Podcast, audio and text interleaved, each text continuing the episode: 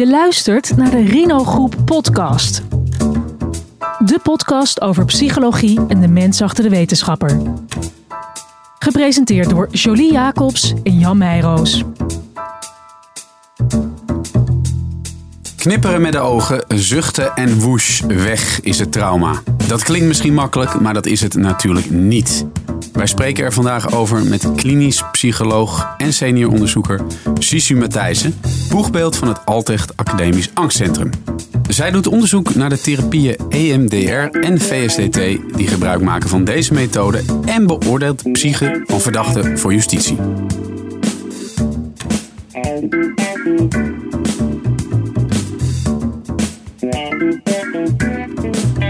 Suzy, welkom. Jan bracht het net alsof je eigenlijk zo in een uurtje van een trauma af kunt komen. Maar hoe lang doe je er dan eigenlijk gemiddeld in werkelijkheid over? Ja, er is niet één vaste tijd voor, dus dat uh, verschilt een beetje. Soms kan het in vijf minuten.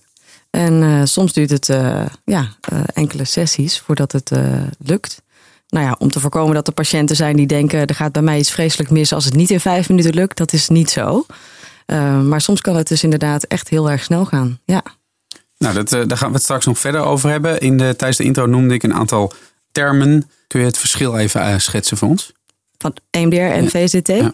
EMDR is een, een therapie waarbij je eigenlijk de nare herinnering ophaalt. Um, en waarbij je vraagt om het naaste plaatje uit die herinnering te selecteren. Wat nu nog het meest naar is voor je. En wat je dan doet, is dat je tegelijkertijd werkgeheugenbelasting geeft. Nou, dat doen we vaak met oogbewegingen. Uh, maar dat kan ook met andere vormen van werkgeheugenbelasting. Maar we weten dat door het werkgeheugen te belasten, tegelijkertijd, dat het niet zo goed lukt om dat nare plaatje uh, vast te houden met diezelfde lading. Dus dat plaatje wordt minder beladen. Nou, en op die manier wordt het eigenlijk ook weer terug opgeslagen in het lange termijn geheugen. Ik denk dat een aantal mensen EMDR uh, wel kent. VSDT moest ik zelf even googlen. Kun je even vertellen wat dat precies is? Het staat voor Visual Schema Displacement Therapy. En het is eigenlijk een traumabehandeling uh, die een tweetal mensen in de UK uh, hebben bedacht. En daar zag ik een filmpje van online. Nou ja, eigenlijk zag ik dat pas nadat mijn collega Atte Jong uh, mij daarop attendeerde. En die zei, moet je dit eens even zien? En toen zei ik, dat is een bijzondere therapie. En er stond iemand te swipen met een horloge en woest te roepen. En toen dacht ik, wat is dit voor vaag gedoe? Maar ik was ook wel een beetje, nou ja, daardoor aangeslagen dat ja. ik dacht, hé, hey, ik wil wel weten wat dit is. Toen hebben we twee patiënten gevraagd. Um, eentje van uh, Psytrack en uh, nog één iemand anders. Die ook echt daadwerkelijk uh, de diagnose PTSS hadden allebei. En toen hebben zij het bij die patiënten gedaan. En die patiënten zeiden allebei, wauw, dit doet wel iets, ja. En die patiënten hebben dus ook even van tevoren en daarna ook vragenlijsten ingevuld. Om te kijken van, nou, heeft het ook effect op de klachten?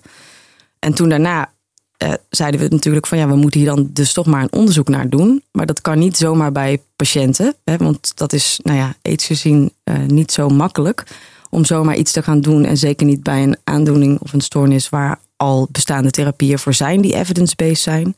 Dus wat je dan vaker doet, is dat je begint met een studie in een lab.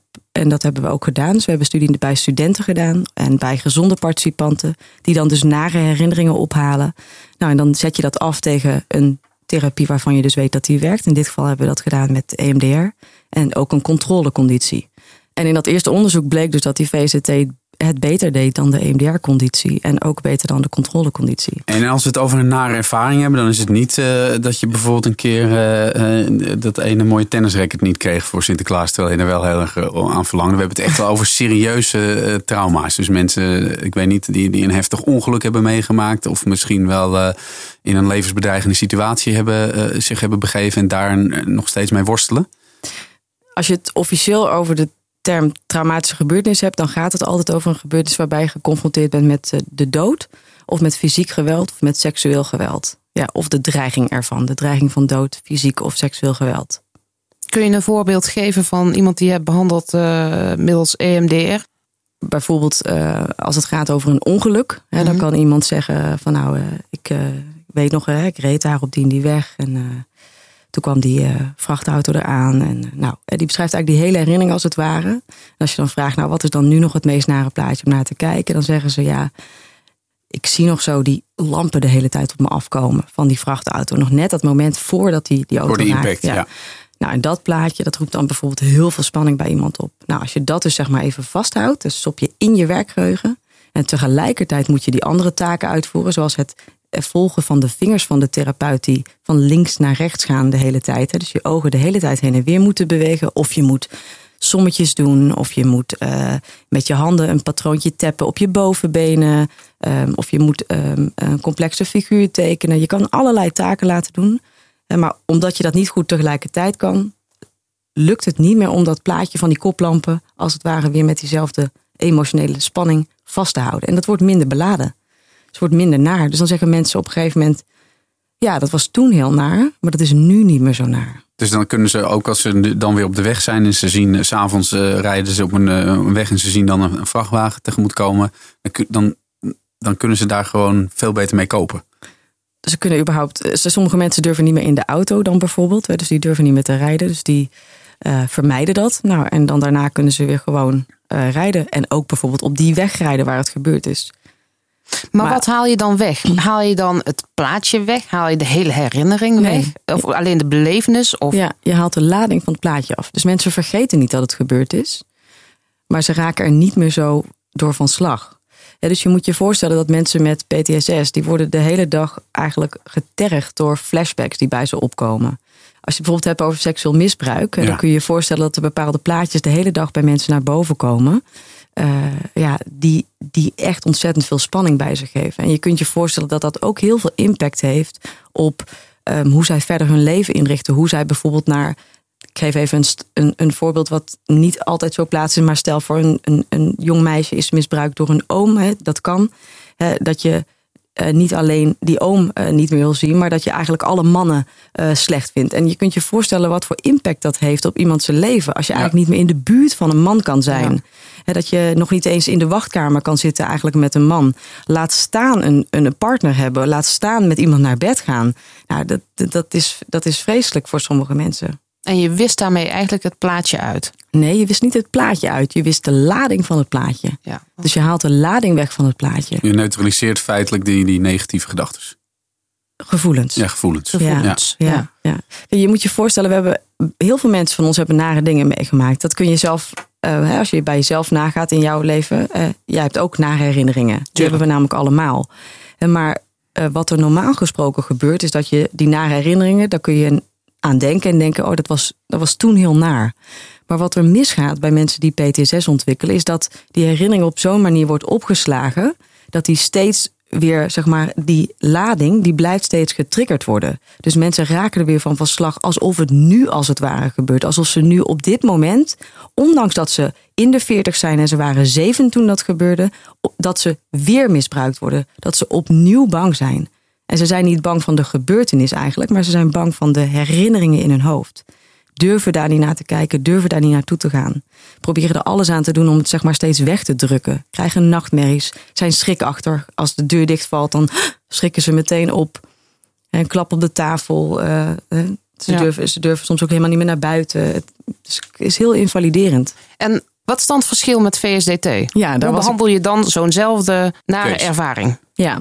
Ja, VSDT werkt een klein beetje anders. Je staat ook voor je patiënt. En uh, het idee is dat mensen in de ruimte, eh, in hun visuele veld, eigenlijk een uh, stukje selecteren waar ze het trauma het meest beleven, meest doorvoelen als het ware. Waar dat het heftigste aanvoelt. En ook dat er een punt is waar je iets heel fijns wegzet. Dus een lachpunt noemen we dat. Doe eens even voor, dan gaan wij het eens even uitleggen. Je selecteert een, uh, een, eigenlijk een punt in het visuele veld. Hè. Dat, dat staat voor het trauma, daar beleef je dat het sterkste. En je hebt een punt voor iets heel fijns, dat noemen we het lachpunt. En je swipet als het ware van het ene naar het andere punt. Nou, daar komen nog een heleboel dingen bij. De snelheid is belangrijk. En je zegt ook het woord push heel hard om een schrikreactie uh, bij de patiënt teweeg te brengen. Um, nou, het maakt ook uit waar het punt zich precies bevindt. En wat bedoel je dan precies met swipen? Ik bedoel, ja, je, ja, dat ik is doe een, meteen ja, aan een telefoon aan, of aan nou, Tinder. Nou ja, ja. ja. Ik denk dan weer aan een mailbox, maar misschien heeft dat iets te maken met het feit dat ik gewoon altijd aan het werk ben. Maar um, je, je, het is inderdaad, je, je, je veegt eigenlijk, eigenlijk als het ware iets soort van weg. Dat is ja. eigenlijk een beetje het idee. He, dus, um, maar goed, daar is inmiddels een acht pagina lang protocol over hoe je dat nou allemaal exact doet. Dus het is een beetje ingewikkeld om dat uit te leggen. Er komt ook knipperen bij kijken en zuchten inderdaad komt erbij kijken. Um, dus ja, dat, dat, dat vergt wel enige training. We hebben natuurlijk toen voor die uh, studentstudie uh, studenten moeten trainen. Nou, dat, dat is toch nog, ook nog wel ingewikkeld om dat goed te doen. Want maar ja. je mag het nog niet in praktijk toepassen in Nederland? Of? Nee, zeker niet. Nee, Nee, dat mag zeker niet. Nee, kijk, we hebben gewoon voor PTSS een aantal behandelingen die evidence-based zijn. Dus die zijn goed onderzocht. En uh, daarvan weten we dat ze effectief zijn. En um, nou ja, deze studie, hè, ik heb nu net verteld over. Er is een eerste studie geweest waar, mm-hmm. waarin het goed leek te werken. We hebben dat gerepliceerd. Daar kwam weer hetzelfde uit. We hebben een derde studie gedaan. Die resultaten zijn we aan het opschrijven, maar ziet er wederom goed uit.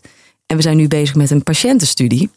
En pas als daar iets uitkomt, zeg maar, hè, dus bij die patiënten, dat we echt klachtenreductie kunnen zien. En nou, dat we ook kunnen kijken hoe verhoudt zich dat tot de therapie waar we het tegen afzetten, die evidence-based is. Ja, EMDR in dit geval? Ja, EMDR. En we hebben ook een controleconditie, een wachtlijstconditie.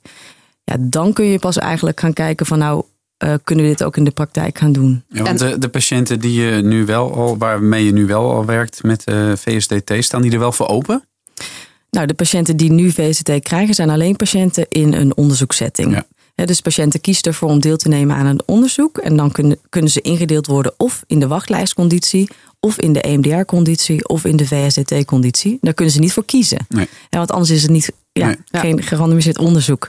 Nee, precies. Maar het is, je hebt, het is niet dat, je, dat mensen achteraf heel, heel raar reageren van... wat was dit nou? Of, uh... Nee, nee, ze krijgen natuurlijk wel voorlichting over wat voor onderzoek ja. waar ze voor kiezen. Ja, dat, dat moet je natuurlijk wel doen. Ja, zeker. Ja. En is het dan zo dat in Engeland, waar het dus vandaan komt, VSDT, wordt het daar wel al echt uh, in praktijk gebracht of nog niet? Nou, die twee therapeuten die het bedacht hebben, die hebben het natuurlijk al heel vaak gedaan. Ja. Um, maar zij trainen ook nu geen andere mensen. Hè. De enige mensen die ze getraind hebben, dat zijn eigenlijk uh, nou ja, Atte Jong en dat uh, ben ik zelf. En uh, zij willen ook helemaal niet dat andere mensen dat op dit moment toepassen.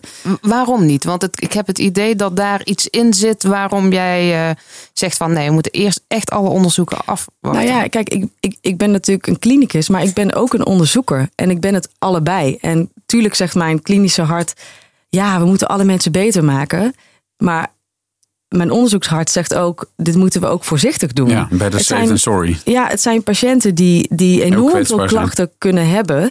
En als we al iets hebben waarvan we weten dat het werkt, waarom willen we dan steeds iets nieuws doen, terwijl we dat nog niet goed onderzocht hebben?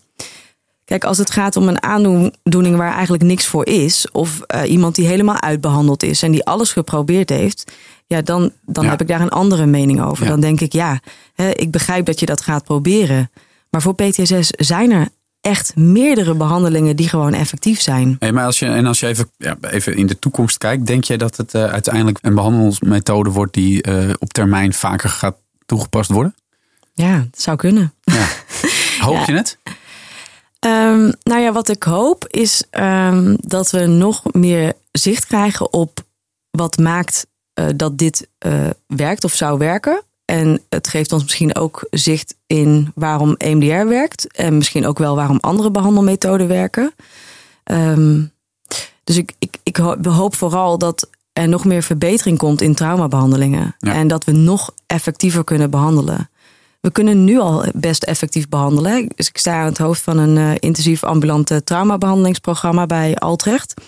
Uh, dus wij hebben een programma van zes dagen. En mensen komen twee keer drie dagen. En we doen daar twee evidence-based behandelvormen in, iedere dag. Dat is uh, imaginaire exposure en EMDR. En we hebben ook een onderdeel bewegen en psycho-educatie.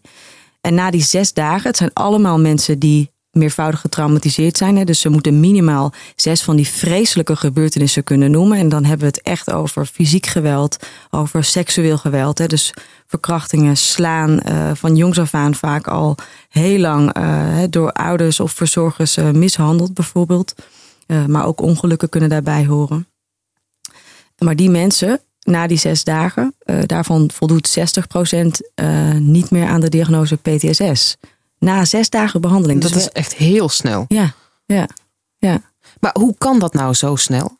Ja, hoe dat komt. Ja, kijk, patiënten zelf zitten vaak al jarenlang met klachten en doen er alles aan om te vermijden. Dus die gaan dingen uit de weg. En wat je in die behandeling doet, is je stuurt ze juist heel erg naar uh, hetgene toe wat ze willen vermijden. Dus de confrontatie echt aan. Ja, ja, ja, ja, ze gaan echt de confrontatie aan. Uh, dat doen ze in de imaginaire exposure. Dus dan gaan ze in de ochtend gaan ze de hele tijd het opnieuw weer vertellen. En mensen denken dan, oh, als ik dit ga vertellen, dan word ik gek. Dat kan ik niet aan. Ik kan het niet verdragen. Ik uh, doe mezelf daarna iets aan. Of nou ja, er kunnen allerlei rampgedachten achter zitten. En dan merken ze eigenlijk als ze dit steeds herhalen dat dat helemaal niet gebeurt. Dat ze dat wel kunnen verdragen. Nou, en in de middag hebben ze dan EMDR. Gaan ze nog een keer naar het nare plaatje toe.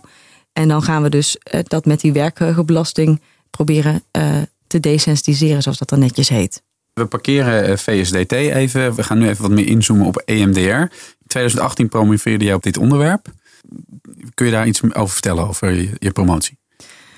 Nou ja, mijn proefschrift bestaat uit drie delen eigenlijk. Um, een van die delen is, is wel VSDT. En de andere twee delen, één, het eerste deel gaat over een bepaald onderdeel in het EMDR-protocol. Um, en het tweede deel gaat eigenlijk over modaliteitsspecificiteit. Nou, dat wil zeggen dat nou ja, patiënten hebben vaak niet alleen visuele herinneringen, maar daar kan ook een auditieve component aan zitten. Dus dat je bijvoorbeeld niet alleen ziet hoe je vader je sloeg, maar dat je ook nog hoort dat hij roept: uh, Wat ben je toch een rotkind? Dus dat je die zin steeds maar hoort. Of dat iemand tegen je zegt: ja, Vind je het gek dat je verkracht werd als je er zo bij loopt? dus dat die zin steeds maar weer bij je opkomt. Of het piepen van uh, de IC-apparaten toen je wakker werd. Uh, nadat je daar naartoe was gebracht. Um, en die auditieve herinneringen of intrusies, die kun je misschien beter auditief belasten. Met auditieve uh, werkgeheugenbelasting. Dus bijvoorbeeld uh, mensen iets laten zeggen of uh, iets laten optellen. Ehm, nou, of uh, bepaalde tonen in een muziekstuk proberen te tellen. dus dat ze auditief bezig zijn. Dus daar heb ik een aantal studies naar gedaan, zowel bij PTSS-patiënten met auditieve intrusies als bij mensen met ehm, psychoses, die herinneringen aan auditieve hallucinaties hebben, die heel erg naar zijn. Nou, en daarbij vonden we die modaliteit, specificiteit niet terug. En dan denk je, hè, is het er dan niet? En toen dacht ik, ja, dat kan bijna niet, omdat er eerdere onderzoeken in het lab dat heel mooi laten zien. En als je dan goed kijkt naar die patiëntenstudies, dan zie je dat die soms ook heel ingewikkeld zijn. Dus je standaardiseert bijvoorbeeld de mate van uh, belasting. En dan blijkt dat de ene patiënt dat helemaal niet zo goed kan volgen. En de andere patiënt die gaat juist veel sneller eigenlijk. Ja, en nou ja, er zaten een heleboel haken en ogen aan die onderzoeken. Dus toen heb ik het even terug naar het lab gebracht en eigenlijk heel schoon getest. dus daar kun je veel beter werkingsmechanismen onderzoeken doen in zo'n uh, laboratorium. En uh, toen hebben we dus aan gezonde participanten gevraagd: breng nou eens zo'n auditieve nare herinnering op en zo'n visuele nare herinnering. En dan tegelijkertijd laat je ze ofwel een visuele reactietijdentaak doen of een auditieve reactietijdentaak. Nou, en wat gebeurt er dan? Nou, dan verwacht je dus als mensen een auditieve herinnering ophalen en ze moeten tegelijkertijd ook hè, een auditieve reactietijdentaak doen, dus reageren op een piepje wat ze horen zo snel mogelijk, dat dat dus meer vertragend werkt dan wanneer ze moeten reageren op een vierkantje, dus een visuele reactietijdentaak. En dat vind je ook terug. dus we weten wel dat in dezelfde modaliteit belasten, dat dat dus meer belastend is. En we weten wel dat meer belasting, dus meer werkbelasting, bij EMDR effectiever is. En daar zijn wel veel onderzoeken naar gedaan. Krijgen patiënten ook inzichten na zo'n behandeling? Ja, vaak wel, ja. Ja, niet altijd. Ja, het, verschilt een beetje. Soms. Um... Maar is dat überhaupt nodig, een inzicht krijgen? Bij mij popt dat op omdat ik denk van ja, dat is de manier om te verwerken. Maar ja, ik ben een leek. Nou ja, de, ja kijk, soms is het wel um, goed dat er een soort nieuwe context komt, zeg maar. Uh, Dus um, als we weer even teruggaan naar um, het voorbeeld dat iemand uh, seksueel misbruikt is op jonge leeftijd. Uh, vaak hebben die toch ook dingen te horen gekregen van degene die hen misbruikte. van ja, je vroeg jezelf om. Jij vond het toch lekker. Jij wilde dit toch. ja, moet je dit ook maar niet zo doen. Het ligt aan jou. Hè? En dan denken mensen vaak hun hele leven dat zij daar schuldig aan zijn. En wat je wel vaak ziet is dat zij dan ineens tijdens zo'n sessie tot inzicht komen van ja, maar hoe, hoe, kan dat? Nou? Ik, ik was zeven. Hoe kan ik nou? Ik, hoe kan ik nou schuldig? Ik, tuurlijk ben ik helemaal niet schuldig. Ja, dus eh, nou, daar hebben we ook wel weer allerlei technieken voor. Zeker bij EMDR doen we bijvoorbeeld interweaves. Als het uh, niet vanzelf komt en mensen blijven daarin hangen, dan heb je daar dus wel bepaalde handvatten voor om dat, eh, nou ja, dat, die nieuwe context aan te dragen. Ja. Ehm, ja, en, da- en dat is wel heel mooi om te zien bij patiënten. Dat ze tot dat inzicht kunnen komen. En dat helpt zeer zeker bij hoe ze dit een plek geven in hun leven. Ja, Heb jij het idee dat eh, EMDR als, als, eh, dat, dat, dat, dat het nog steeds in ontwikkeling is? En dat, eh, dat, dat we nog lang niet klaar zijn met alle mogelijkheden? zeker. En heb je recent nog nieuwe inzichten? Of dat je denkt van dit is recent eigenlijk een trend waar we nu heel erg mee bezig zijn? Dit Ja. Ja, ik ben nu samen met Ad de Jong bezig naar, eh, met onderzoek naar E EMDR 2.0, zoals wij dat noemen. Ehm, en daarbij halen we allerlei dingen uit eh, de wetenschap. Dus eh, sommige dingen zijn al heel goed onderzocht, zoals meer werkgeheugenbelasting. Eh, Het oorspronkelijke EMDR-protocol heeft het steeds over de oogbewegingen. Nou, wij doen daar echt heel veel andere dingen nog mee met die werkgeheugenbelasting. Dus dat voegen we heel erg toe. Ehm, dat is één ding, maar we halen ook nog andere dingen uit de wetenschappelijke artikelen die we ehm, eh, lezen. Die misschien soms wat minder eh, al onderbouwd zijn, maar waarvan we wel denken van laten we dit erbij gooien in het protocol om eens te kijken of het een toegevoegd effect zou kunnen hebben. Zoals bijvoorbeeld het toevoegen van arousal. Dus we proberen meer arousal op te wekken door ineens iemand te laten eh, schrikken ook tijdens de EMDR bijvoorbeeld.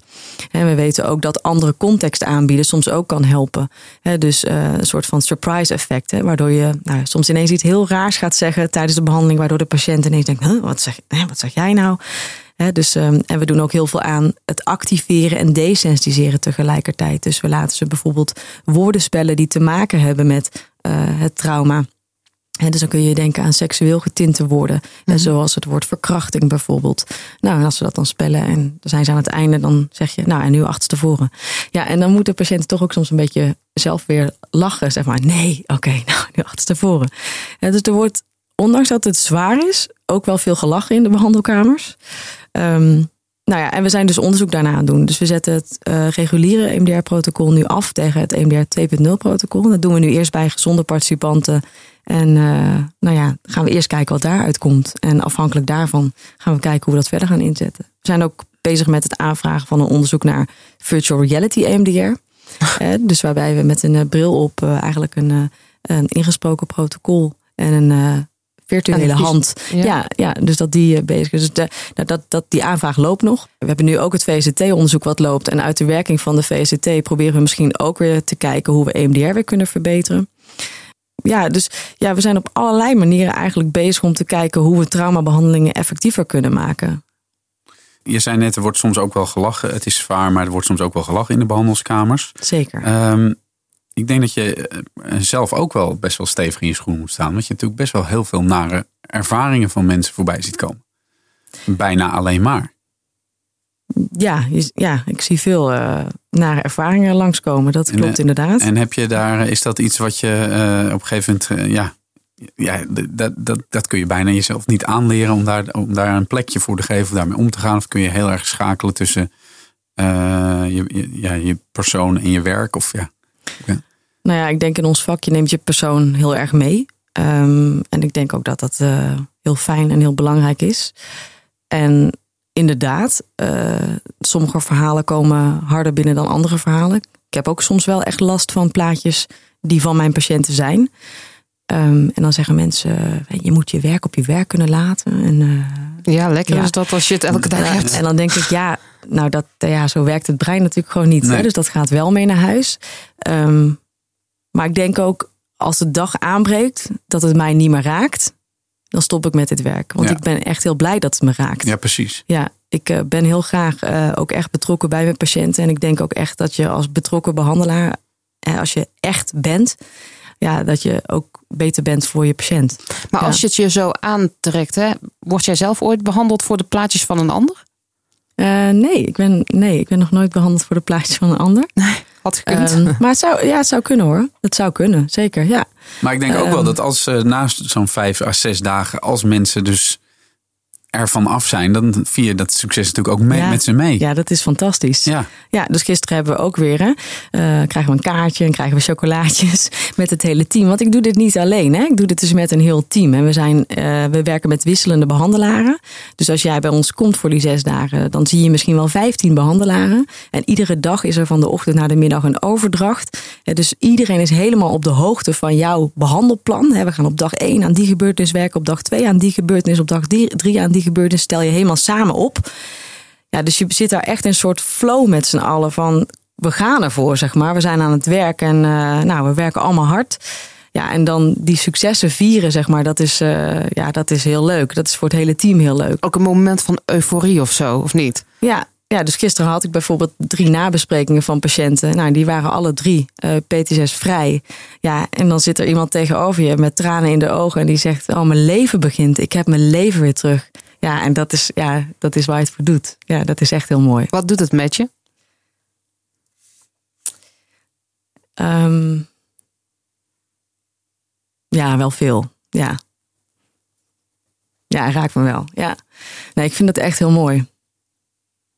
Ja, het is denk ik ook de ultieme, de ultieme goal waar je iedere ochtend voor eh, je bed uitkomt. Ja, en ik moet vroeg opstaan. Ik moet ver reizen. Dus ehm, ja, nee, maar echt, ik ga echt met liefde naar mijn werk. En ik doe mijn werk met liefde. En ik denk ook, als je heel gepassioneerd bent over iets wat je doet, dat je ook alleen maar beter wil worden. En eh, ja, ja, het is echt mijn doel om zoveel mogelijk mensen ook beter te maken. Naast je werk als klinisch psycholoog en onderzoeker werk je ook als NRGD-rapporteur. Eh, en dat is, als ik me goed heb laten voorlichten, dat je de psychische staat van ja, eh, eh, mensen beoordeelt die een, een misdaad eh, zijn begaan, of in ieder geval verdacht, verdacht zijn. worden, ja. Verdacht Ja. worden van een misdaad. Dat lijkt me echt weer een hele andere tak van sport. Kun je daar wat meer over vertellen? Ja, dat is zeker een andere tak van sport. Ook wel, wel spannend. De, de, de, een beetje, ja, de- misschien een beetje. Ik krijg meteen een soort, soort politie-serie gevoel erbij. Maar Ja, ja nou ja, de mensen worden verdacht van iets inderdaad. Dus er is hen iets ten laste gelegd. En ehm, nou, niet bij iedereen bij wie iets ten laste is gelegd, eh, die moet een onderzoek ondergaan. Maar soms vraagt de officier van justitie, eh, zou u de psyche van deze persoon, deze verdachte, eh, kunnen onderzoeken? Dat wordt aan het NIFP gevraagd en die eh, hebben een aantal rapporteurs die dat dan voor hen doen. Sommige mensen worden bij het Pieter Baan onderzocht. Daar heb ik eh, ook eh, 2,5 jaar eh, gewerkt. En eh, ik doe nu eigenlijk eh, vooral eh, ambulante onderzoeken. Dat wil zeggen dat je dus naar eh, ja, huis van bewaring gaat of een gevangenis. En sommige mensen zijn eh, op vrije voeten, zeg maar. En die nodig je dan uit bij het NIFP bijvoorbeeld. Dat klinkt zo spannend. Ik weet niet of ik het zou durven gewoon. Ja, het klinkt een beetje inderdaad als, als van die FBI-profiling-achtige dingen. Er waar natuurlijk voor films en series het altijd wat, wat versimpeld wordt. Maar is, is dat het een beetje? Moeten we daar aan denken? Of in zo'n rechtszaak dat er dan zo'n arts eh, naar voren wordt geroepen... die dan de psyche van de verdachte duidt? Ja, het kan zijn dat je inderdaad wordt opgeroepen voor een rechtszaak. Eh, en dat je dan dus eh, je rapport moet toelichten. Maar vaak als je gewoon een goed rapport schrijft, wat heel helder en duidelijk is, hoef je dat niet ook nog te komen toelichten. Maar ja, je moet wel die verdachte een aantal keren zien.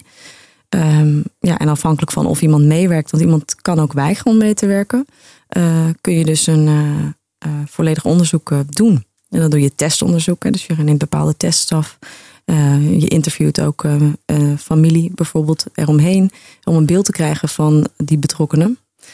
Van hoe was de psyche hè, voordat hem, nou ja, voordat het ten laste gelegde gebeurde.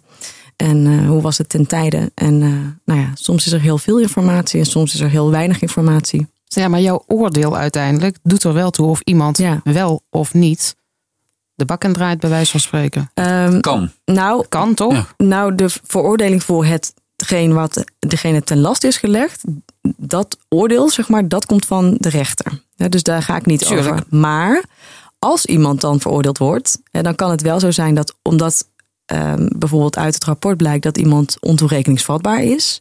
En het advies bijvoorbeeld is om nou ja, iemand ehm, eh, in een TBS-behandeling Behandeling. te geven. Ja, dan kan het inderdaad betekenen dat iemand daarheen gaat. Maar het kan ook een heel ander advies zijn, bijvoorbeeld. Ja. Een beetje extreem, maar er is heel veel aanwijzing dat de verdachte daadwerkelijk de gruwelijke daad heeft gedaan die hem te last wordt gelegd. Mhm. Dan moet jij wel tegenover zo'n figuur plaatsnemen. Dat Mhm. lijkt me best spannend. Maar het is denk ik vooral spannend als iemand um, wat agressief kan zijn. Ja. Dus Maar is, is zo'n iemand dan bijvoorbeeld wel eens geboeid als jij zo'n test of onderzoek komt doen? ja, ik heb wel eens um, bijvoorbeeld dat je een spreekkamer vraagt met glas ertussen. Ja. Of dat dat geadviseerd wordt. Ja, dat, dan doe ik dat wel, tuurlijk. Ja, want ja, mijn eigen veiligheid gaat toch wel voor. uiteraard. Ja, ik, ik krijg al een beetje kippenvel hoor. Nu als ik, ik, ik, ik Nee, zie maar in de, allemaal beeld. in de meeste gevallen is dat helemaal niet zo. Nee. Zit je gewoon samen in een kamer. En ik heb eigenlijk ook liever dat er niet iemand bij zit. Eh, Dus dat ik gewoon één op één met die persoon kan praten. Eh, of die testen kan doen. Eh, want het interfereert toch een beetje. Zeker als het over gevoelige onderwerpen gaat. Ja. Als daar dan ineens een beveiliger zo naast zit. Ja. Kijk, je moet je voorstellen dat veel van die mensen overigens ook getraumatiseerd zijn in hun Ja. leven. Ja. Niet standaard overigens, maar er komt ook veel voor. Ja. Je hebt natuurlijk behoorlijk wat functies. Is er nou iets... Je bent nu 37, toch? Dus je hebt nog een eh, behoorlijk lange carrière te gaan. Wat zijn nou nog de nieuwe uitdagingen? Waar kijk je naar uit? Wat wil je nog onderzocht hebben, gedaan hebben, gezien hebben?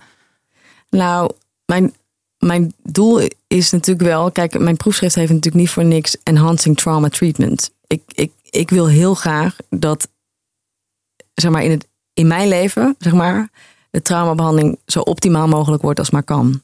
Op welke manier dan ook. En dat hoeven niet per se ideeën te zijn die vanuit mij komen. Hè, maar dat we mensen met PTSS-klachten, mensen die getraumatiseerd zijn en daar last van hebben, dat we die beter kunnen maken.